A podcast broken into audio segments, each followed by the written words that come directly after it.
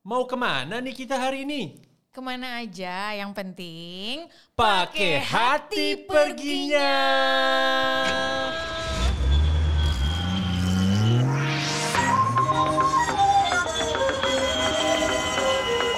Abis mana? Beda kamu.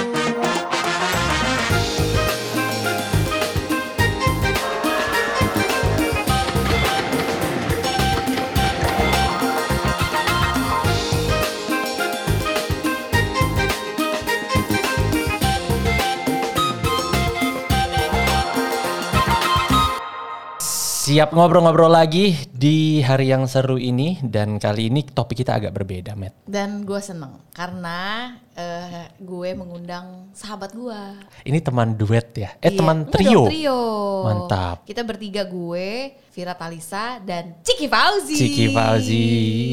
Ciki kan eh, selain penyanyi, Mhm. Dia juga presenter Muslim Traveler di Net TV.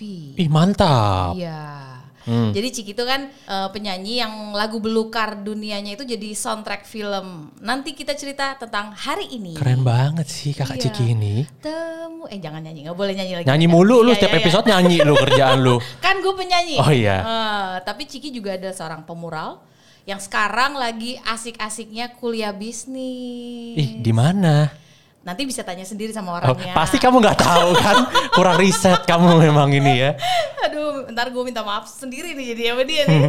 Jadi nyanyi iya, presenter iya, mural, Mural, juga iya. iya. seniman banget ini ternyata. Iya. Kita mau ngobrol sama dia. Kita langsung panggil aja. Halo Ciki. Hai Kak Meda. Halo Hai, Kak Ciki. Abi. Gimana kabarnya hari ini? Baik, alhamdulillah baik. Alhamdulillah. Oke, Cik, sebelum kita ngobrol, kita ada Oke. kuis buat kamu. Oke, Kak. Kamu bahkan nggak tahu ada kuis kan? Ini biarin ini adalah sebuah kejutan. Kuisnya adalah Would you rather pilih mana? Oke. Ya, Pilih ya. Oke, pilih ya. siap. Nggak boleh Oke. mikir nih, nggak boleh mikir. Langsung aja jebret. Oke, Oke. oke, siap, siap. Ya, satu. Pilih punya Oke, banyak satu. waktu tapi kere atau kaya raya tapi waktu habis buat kerja doang. Wah, kayak raya. Bagus, saya suka Saya kayak suka, gini. Iya, cuma yang kedua. Produktif. Kamu terjebak di pulau nih. Pilih sendirian atau bareng seseorang tapi dia tuh nggak bisa berhenti ngomong. Ngoceh mulu sepanjang di pulau. Barang seseorang. Oh, anti kesepian sepian club. Waduh, waduh. Mendingan nggak sosial mediaan lagi atau nggak traveling lagi seumur hidup. Waduh, nggak sosial mediaan sih. Itu kayak gampang deh. Itu kayak gampang deh. It's very draining ya, Cik ya. Gimana bisa melihat dunia kalau tidak traveling? Oh. Nyanyi atau bikin mural. Nah, lu. Sebenarnya nyanyi sih, cuman ken- kenyataannya sekarang belum bisa hidup 100% dari nyanyi, dari bermusik. Oh, tetap realistis. Tetap Hmm, realistis jadi ya. masih nyari hal-hal lain. Yang keenam, terakhir. Iya, uh. Firsa Besari atau Marcella FP-nya NKCTHI. Nah, Dua-duanya oke sih. nah sulit ya. Tapi harus Ah, pilih. dua, ah, tapi aku suka Mas Firsa karena dia traveler. Oh. Dan secara pribadi kenal cukup baik, baik banget orangnya. Ya, tepuk Tepuk tangan dulu, tepuk tangan dulu. Mantap. Jadi Ciki ini kan adalah seorang eh, host dari acara traveling tapi terspesifik untuk muslim ya. Jadi maksudnya untuk dari sisi gimana kalau traveling ke Eropa lah ke mana tapi dari sisi muslim.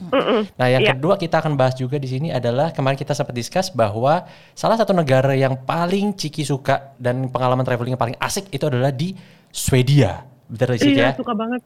Mau Nah. banget balik loh. Makanya dua itu akan kita bahas hari ini, tapi kita akan mulai dulu dari yang sisi muslim travelernya ya. Oh, Ya, oke, siap. Oke, Mm-mm. aku mau nanya nih, karena pasti ada tantangannya sendiri untuk menjadi seorang traveler, tapi tetap harus menjalankan ibadah dan menjalankan Mm-mm, aturan-aturan keagamaan. Nah, ada nggak pengalaman puasa di luar negeri? Ini kan puasa gitu kan, apalagi kalau lagi musim liburan, teman-teman juga kan pasti di sini banyak yang liburan puasa, itu jalan-jalan ke luar negeri. Ciki ada nggak pengalaman berpuasa di luar negeri? Terus gimana sih rasanya tuh puasa di luar negeri? Susah nggak? Itu apalagi kan kita tahu ada negara-negara musim dingin, winter gitu yang mataharinya Lama banget. Jam Lama 10 banget, malam bener. Baru baru munculnya lama ya kan. Nah kayak gitu-gitu gimana tuh Cik? Oke, kalau puasa di luar negeri, jujur aku tuh belum pernah kena.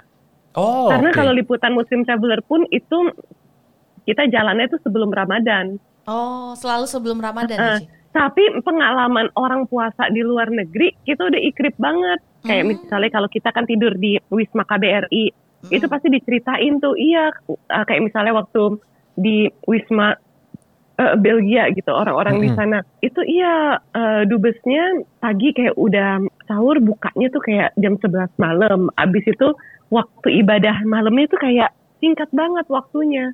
Jadi kayak langsung uh, maghrib uh, terus isya taraweh terus udah udah sahur lagi terus udah pu- berpuasa lagi jadi emang pas Ramadan itu orang-orang yang muslim yang bekerja di KBRI itu kayak lagi di titik super lelahnya gitu karena Hmm. waktu istirahat pastinya kurang kerjaan tetap dan waktu puasanya lebih lama gitu banyak cerita dari mereka Hmm. kalau misalnya mereka puasa di luar itu sebenarnya nggak gitu kerasa capek kecuali lapar sama aus lah karena suasananya tuh dingin yang Hmm, nggak hmm. nggak draining kayak di Indonesia keringetan capek humid gitu enggak gitu sih Tadi cuma eh, kadang katanya bosennya itu emang bosen gitu nungguin kapan kapan waktu bisa makan karena makan kan juga hiburan kan Bener. Wah, iya, gitu.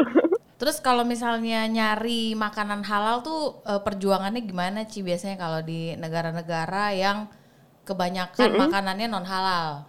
Oke, cari makanan kosher food sih.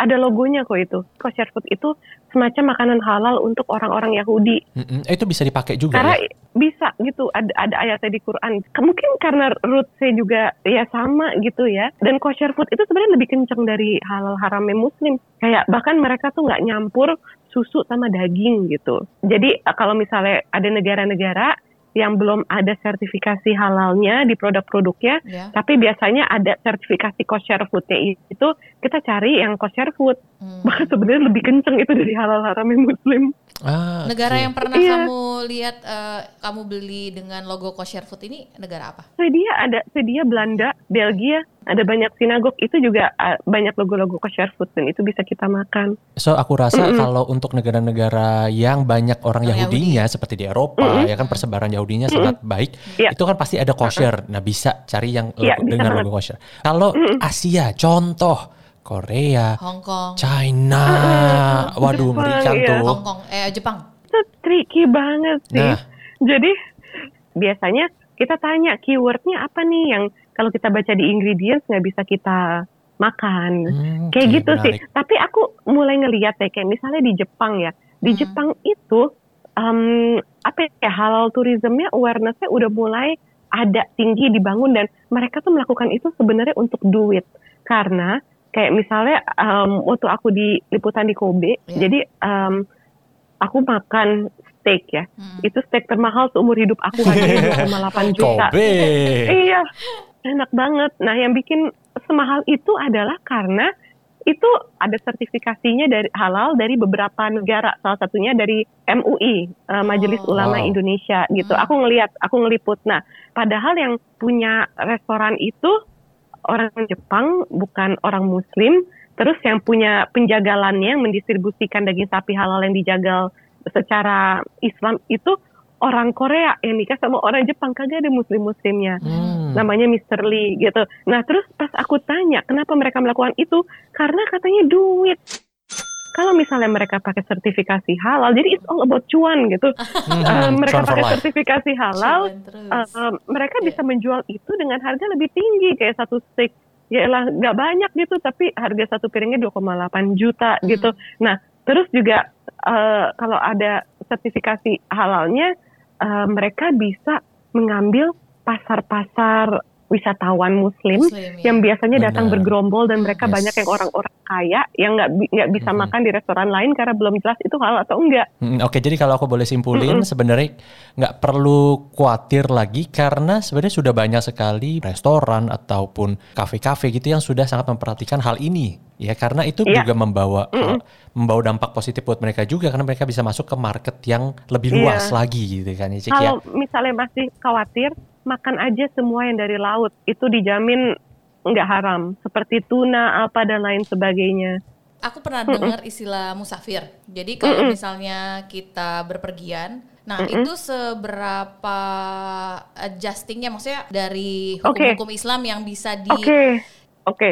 Jadi selama oh ka- kalau musafir itu mungkin lebih konteksnya ke ibadah ya kak. Jadi kayak buat sholat. Oh, kayak oke. misalnya uh, kita tuh sholat Islam itu uh, Muslim tuh lima waktu subuh, uh, zuhur, asar, maghrib, isya. Tapi kalau kita lagi melakukan uh, safar atau melakukan sebuah perjalanan, karena sebenarnya safar itu juga disarankan di Islam. Hmm. Karena dengan bersafar melakukan perjalanan kita akan dapat banyak pelajaran hidup. Itu ada imam siapa gitu menyarankan kita untuk terus melakukan perjalanan. Nah, Hmm, safar Eh, namanya. terus iya namanya bersafar.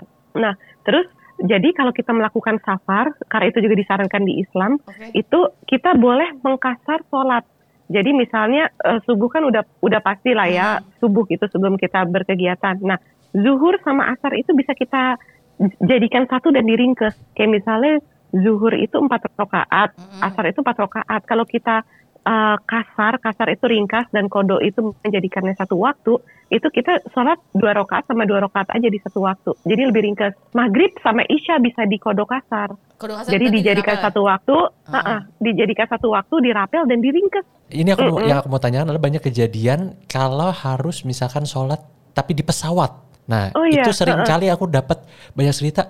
Ini toilet basah semua apa segala macam. Nah Iya. kalau menurut Ciki enaknya gimana ya Cik supaya eh, ibadah tetap bisa jalan tapi tidak sampai merugikan juga pihak-pihak yang lain kayak misalnya Ya becek gitu. bertanggung jawab sama diri sendiri. Habis itu dilap. Aku juga sering kok. Mm-mm. Habis itu uh, kayak misalnya harus sholat di pesawat karena Mm-mm, lama mm-mm, gitu ya mm-mm. uh, durasi flightnya. Ya habis itu dielap, minta tisu gitu. Jadi menurut aku ya agama apa pun salah satu cara untuk menunjukkan keindahan sebuah agama adalah dengan nge-represent dengan menjadi akhlak yang baik gitu Hmm, agama wow. apa pun gitu. Mm-mm, mm-mm. Jadi kita harus pinter uh, ngebawa diri kita karena kita tuh selalu represent sesuatu tanpa kita sadarin. Kayak misalnya aku bentuknya udah kerudungan gini nih, udah jelas-jelas orang pasti tahu aku muslim gitu. Ya jadilah muslim yang bisa orang tuh kalau ketemu bukan yang lo asal ngeharam-haramin, lo asal ngekafir-kafirin, enggak lo jadilah muslim yang bisa berkesan kalau orang ngelihat lo gitu dengan akhlak lo yang baik gitu. Menurut aku itu works ke agama apa pun sih. Oke, sekarang kita coba masuk ke topik Sweden. Aduh, suka banget aku.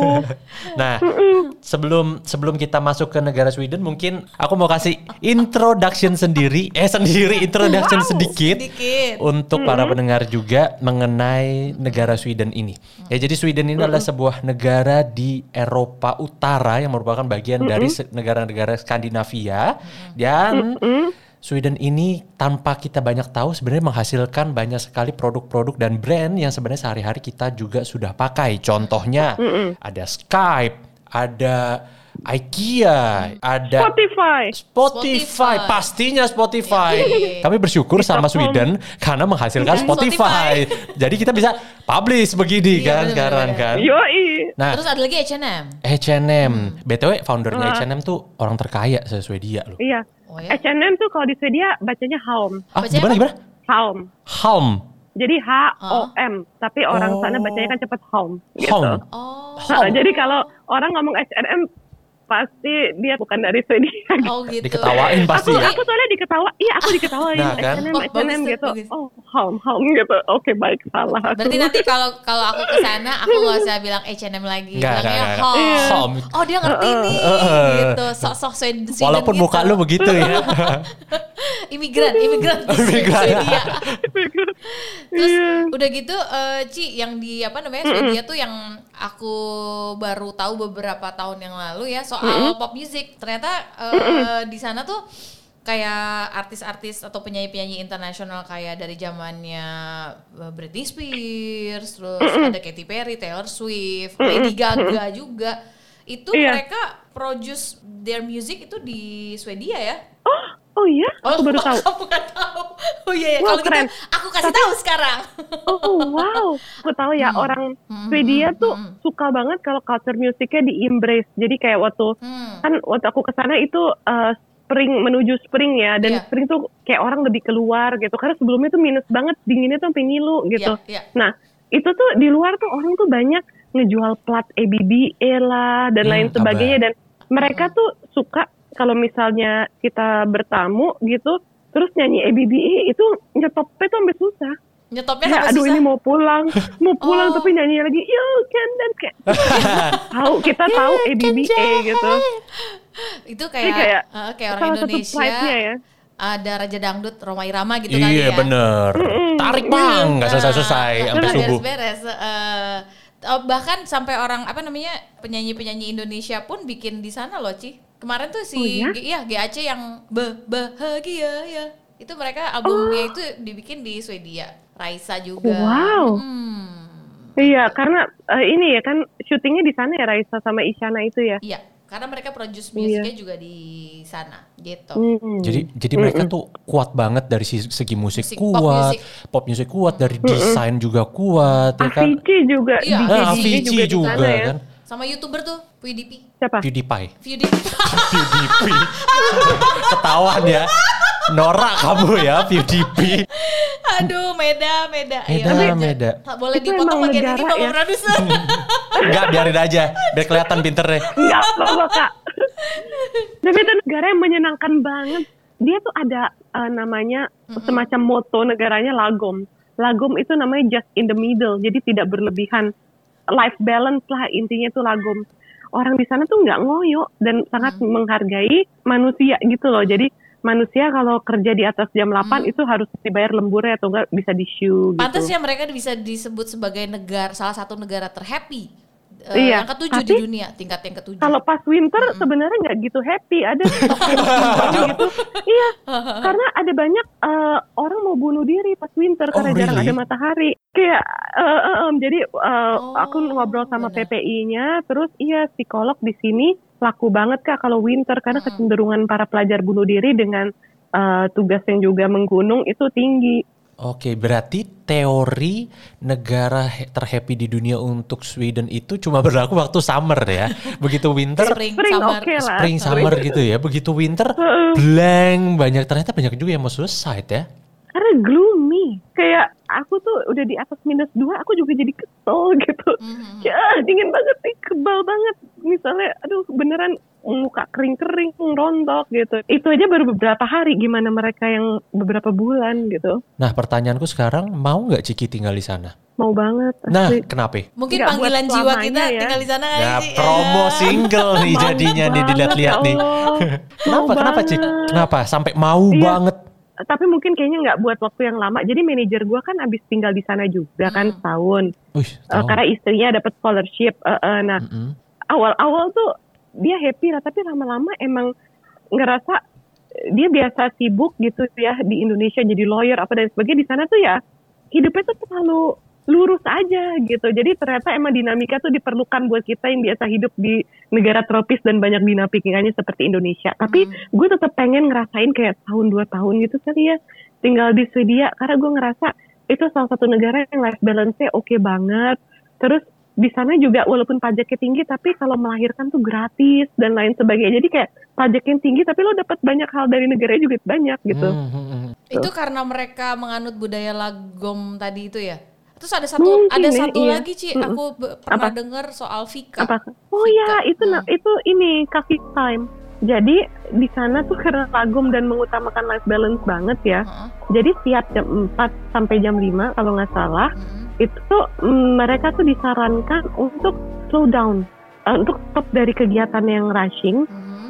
terus ambil kopi atau teh tapi kebanyakan mereka kopi sih gitu padahal kopi nggak tumbuh di sana cuma maksudnya mereka kopi abis itu ambil kayak kue kuenya Swedia kue kue Swedia tuh enak banget ya Allah Jadi kayak Nah, coffee time enak- gitu enak ya banget. sore-sore. Nah, jadi kayak coffee itu. time itu namanya fika gitu tapi ya arti secara jelasnya ya itu coffee time simpelnya coffee time tapi artinya adalah itu saat di mana orang-orang Swedia harus slow down dan melihat keindahan dunia Waktu Ciki di sana nyobain melakukan Vika ini nggak? Kalau iya misalkan ada melakukan banget ada suggestion nggak ikut kan buat kita teman-teman harus di mana gitu? suggestion Yang enak, Yang enak. itu terserah bagus. kondisi di mana. Kalau misalnya waktu itu aku di Gothenburg ada sebuah jalan namanya Haga. Mhm. Haga itu waktu kita sore di sana pas pika serentak orang tuh di luar-luarnya karena menuju spring itu i- udah di coffee shopnya jadi ngobrol apa gitu dengan berbagai kue-kuenya. Tapi di luar itu di mau di rumah, mau di teras, mau di apa orang ya ngefika aja gitu. Aku juga denger di sana itu ada satu budaya namanya plogging. Sekarang baru baru lagi ngetren nih, lagi Oh, itu nge-hits. aku nggak tahu. Itu culture-nya itu running, mereka running olahraga aja sore gitu sambil ngumpulin sampah. Jadi kayak, wih gila ya nih negara ya culture-nya ya segala macem. Emang ada sampah, ya? sampah ya? Iya mak. Aku malah nggak nggak ada sampah. Nah mungkin karena para plogging ini nih rajin ambil Nah, lari tapi- sambil ngomongin iya. sampah. Pas aku di Swedia, aku tuh mau buang sampah tuh bingung karena sampahnya tuh bukan hanya dibagi dua, organik anorganik enggak, Hmm. dibagi enam. Hah? Aduh, Jadi di rumah-rumah, di dapurnya dan aku tuh suka deh cara mereka. mm, Aku jadi ngerti kenapa IKEA tuh bisa se kelihatan sesistematis itu ya itu dari negara Swedia yang semua orang tuh hampir semua kayak gitu kalau aku bertamu. Jadi di di uh, kitchen kabinetnya yang emang udah terstruktur gitu ya. Mhm. Jadi ada tempat pembuangan sampah dari rumah-rumahnya itu ada yang buat cans, ada yang buat plastik, ada yang buat organik itu langsung kalau mereka nggak ada kesempatan buat bikin kompos, paling nggak mereka eh, kubur itu jadi bio, apa biopori apalah gitu istilahnya. Mhm. Terus, nah plastik-plastiknya itu misalnya aku masak Indomie apa, terus aku buang aja. Itu masa aku nggak enak banget. Itu diambil terus sama mereka dicuci. Oh, plastiknya terus baru dikumpulin. Kan gue jadi ngerasa zolim banget. Ya ya Allah, udah dikasih makan Oh. mana semua. Terus aku bilang aku minta maaf nggak tahu. Hmm. terus kata dia nggak apa-apa. Tapi ini cara kita ngedukasi orang-orang kayak kalian yang belum tahu dengan cara mencontohkan it's okay ciki gitu. Oh, Nah, cuman. Eh, oh jadi gitu. Mereka tuh memilah sampai sampai enam Aha. dan mereka itu ada semacam ATV apa gitulah yang kayak kayak bangunan gede banget itu buat tempat mereka ngebakar sampah-sampah yang nggak bisa diolah lagi sama bumi tapi dia tidak menunjuk eh, menimbulkan polusi malah itu bisa jadi listrik buat pemukiman Wah gila sih. Berarti itu listrik di dari di sampah? Swedia Sampah. Dan iya recycle. eh, tapi Recycle. eh, sampah-sampahnya tuh yang terpilih gitu lah makanya mereka ngemilah sampahnya sampai enam sampah untuk menjadi Iya. listrik. Iya, beneran kak. Jadi makanya dari setiap rumah, dari setiap apartemen, apa itu sampahnya kan dibagi enam gitu. Mhm. Mau buang sampah aja pusing, kita pilah-pilah sendiri. Orang-orang sana ngambil sampahnya tuh kayak pakai iPad gitu. Aku ngeliatnya, oh Ngambil sampah pakai ya. iPad. Beneran, asli kak. Kayak mm, mereka taking serius sampah dan orang-orang yang kerjanya ngehandle sampah itu dibayar secara sangat wajar. Bukan Hmm. hal yang memalukan, tapi itu banyak yang scholar-scholar dan lain sebagainya. Ahli sampah. Istilah mereka tuh sustainability life. Cik, eh, lupa Hmm. bahas tadi. Jadi Apa? waktu kamu pergi ke Sweden, kamu naik pesawat apa tuh? Ingat ini eh, Qatar, ingat. Qatar kan Airlines. ya? Hmm. Iya, Kenapa Qatar? iya. Eh, waduh, itu eh, waktu itu lagi banyak promo dan Qatar mau build in yang kemarin aku juga lanjut liputan ke Qatar Hmm. gitu. Hmm. Nah, selain itu juga pas aku nyoba berbagai pesawat, aku cinta banget sih sama Qatar. Enak Iya bener ya Qatar ya emang ya. pelayanannya. Yes, setuju. Qatar Airlines Mm-mm. tuh ini bukannya promo ya, nggak Iya, di enggak, endorse enggak, juga kagak kok, kagak di endorse kok. kayak makanannya tuh eh, selain enak ya ini pelayanannya juga enak. Dan ke Sweden naik Qatar itu kalau udah di research ya itu memang paling nyaman untuk teman-teman pendengar juga karena dia cuma transit satu kali di Doha dan itu juga Iya, jadi bener. eh, jadi nggak lama kan periode Cepat kita di lagi. jalan. Sedangkan kalau kita naik flight yang lain tuh bisa eh, dua kali stop Lama. lah, mampir ke London lah atau mampir Dan ke itu capek. Netherlands. Eh, em, em, capek banget karena lebih dari 24 jam ya Cik ya kalau misalkan mau Iya. yang transit-transit Uh-uh. gitu. Aku punya pertanyaan penting. Waktu Uh-uh. Ke Sweden itu apakah kita harus menyiapkan krona mata uangnya Sweden kan krona ya Uh-uh, atau kita krona, bisa pakai euro? Euro. Eh, kroner. harus krona ya Uh-uh. oke Iya. berarti kita tuker aja euro di sana Ah, tapi oh iya di sana itu jarang nerima duit kertas jadi nggak usah nuker sih oh Uh-uh. kalau misalkan mau Pakai beli es krim ada ada visa mastercard iya itu bener-bener aku udah nuker duit kertas kagak nerima Cashless. pokoknya eh, dia cashless banget hidupnya oh, mengenai public transport di sana? Apakah friendly untuk turis? Enaknya gimana? Nyewa mobil kah? Enak nggak nggak mobil sih. Sering aja. Ah, metro metro station. Mhm. dan kalau ke Swedia ke Stockholm metro station itu ya Allah itu kayak galeri. Asli. Secakep Coba itu. aja deh metro station um, eh, Stockholm deh Stockholm gitu. Negara eh, yang apa bagian lain juga sih. Tapi Stockholm karena ibu kota lucu-lucu ada yang tiba-tiba ada goa-goa Pac-Man ya elah terus ada yang kayak di mural macem-macem yang dan bentuknya tuh nggak kaku bangunan lurus-lurus tapi bener-bener kayak art banget kayak masuk ke gua kayak istana boneka gitu. Gimana ya? Ini aku tuh jalan-jalan di metro station nyari um, peronnya aja tuh udah happy. Nah kalau untuk visanya, visa Schengen misalkan udah ada teman-teman yang holding visa Schengen sudah pegang visa Iya. Schengen Prancis atau atau Belanda misalkan, itu bisa ya ke sana kan ya? Karena ini negara Schengen ya. Iya, uh, Oke, pertanyaan terakhir mengenai introduction to Sweden gitu ya. Bagaimana dengan paket internet di sana? Apakah enakan kita aktifin roaming dari Indonesia dengan nomor-nomor yang sudah kita punya atau di Kalau sana beli nomor lokal? pot nomor lokal. Nah, waktu itu kayak cepet habis gitu. Jadi ujung-ujungnya kita Oh. pakai eh, yang di bawah-bawah itu ya. apa Modem sih? wifi. Internet yang kotak, modem-modem. Ya, Modem, itu modem udah paling. wifi. Aku ngerasa itu udah paling bener sih. Karena kadang kan ada bahasa-bahasa settingan-settingan yang nggak paham tuh tuh kok cepet habis.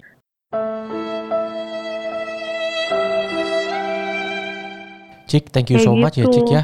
Udah Iya, sama-sama. udah sharing-sharing tentang hal ini, udah bikin kami ngiler untuk ke Swedia. Terima kasih. Dan pasti Sama. teman-teman pendengar sini juga udah ngiler banget. dan informasi yang tentang musim travelernya juga sangat menarik dan Iya. berguna banget buat Akan membantu teman-teman yang muslim dalam traveling maupun yang non muslim pun Benar. bisa belajar hal-hal baru kan dapat Iya. point of view yang baru juga. Dan untuk mendapatkan gambaran lebih mengenai apa sih yang kita lagi omongin sekarang ini, teman-teman bisa langsung aja menuju Instagram at podcast PHP.